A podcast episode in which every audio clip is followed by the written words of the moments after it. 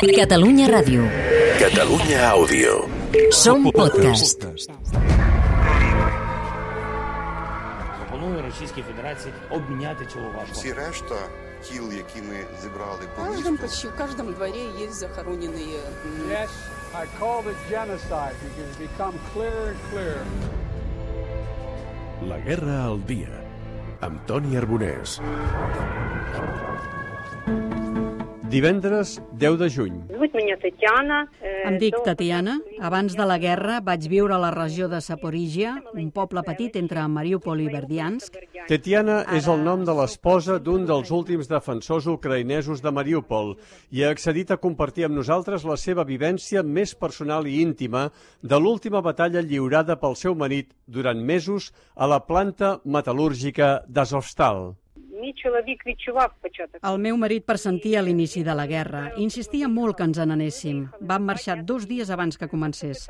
Molts ens pregunten si sabia quan començaria la guerra. No, no ho sabia. Tot i que sóc la dona d'un militar, simplement es percebia una tensió en l'ambient. оточенні моєму. 11 d'abril, 47è dia d'invasió.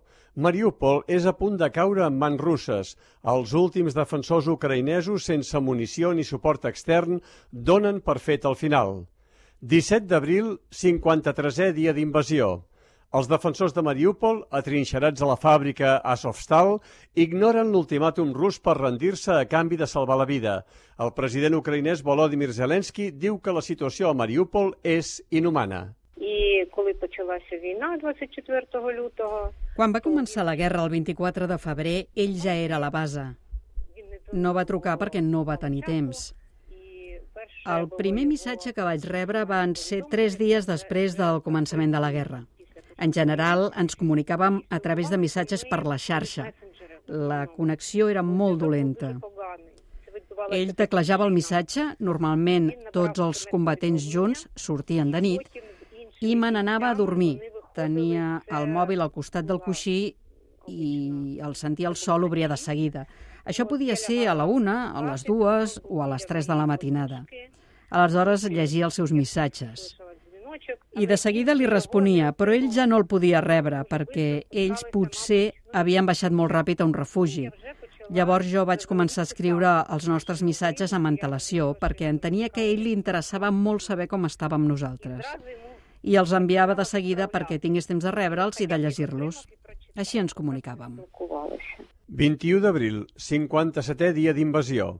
Vladimir Putin canta victòria i ordena bloquejar els últims defensors de Mariúpol, atrinxerats a la cereria Sofstal, de manera que no hi passi, diu, ni una mosca. Rússia dona per alliberada la ciutat en la batalla més gran de la invasió d'Ucraïna. Коли бійці були ще в Маріуполі, Quan els combatents estaven a Mariupol, el seu regiment tenia un canal oficial on penjaven les seves notícies. я їх новини El primer que llegia ell quan es llevava eren aquestes notícies. телебачення я також дивилася. També mirava les notícies de la televisió. Buscava a YouTube qualsevol informació. De les famílies només mantinc el contacte amb dues dones. Són de la meva edat. Ens coneixíem des d'abans de la guerra. Abans d'aquesta invasió a gran escala, perquè la guerra ja fa molts anys que dura. Багато років у нас йде. 22 d'abril, 58è dia d'invasió. El president rus ordena que s'aturin els atacs contra la cereria Azovstal de Mariupol i ofereix als soldats salvar la vida si es rendeixen.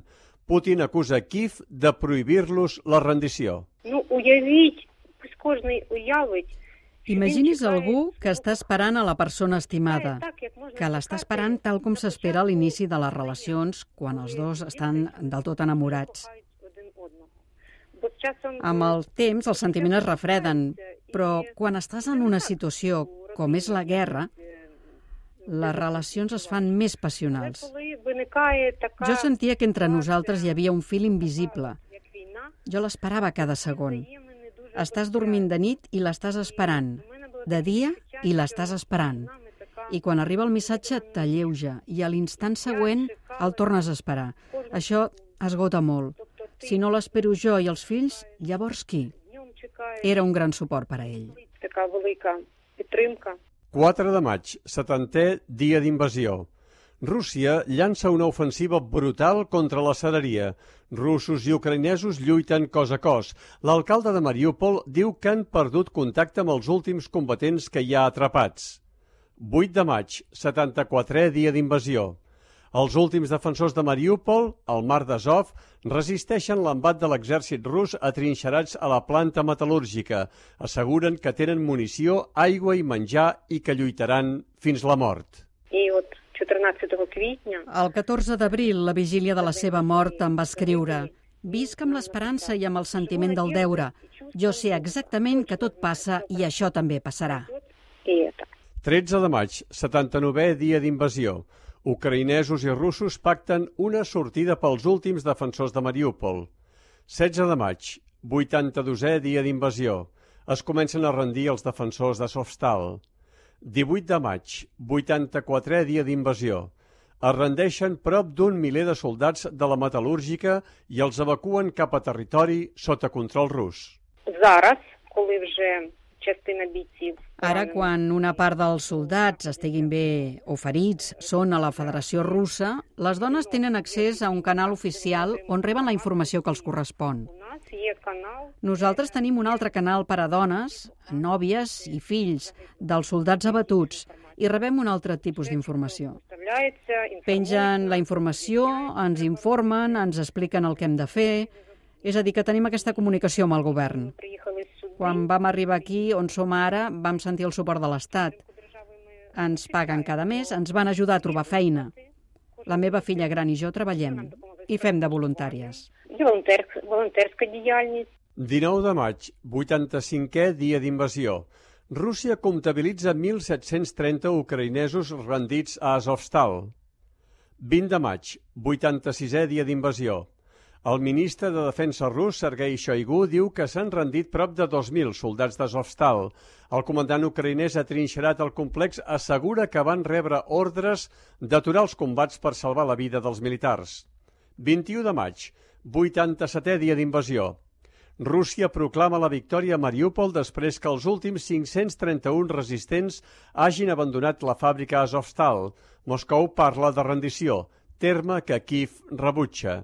El comandant del batalló Azov, Denis Prokopenko, diu que els han donat l'ordre de salvar la vida dels soldats. En total, se n'han rendit 2.439, d'acord amb les xifres de Moscou. Ну, я можу казати по собі, то е, pel que jo sé, el procés d'intercanvi de cossos i d'identificació ja està en marxa.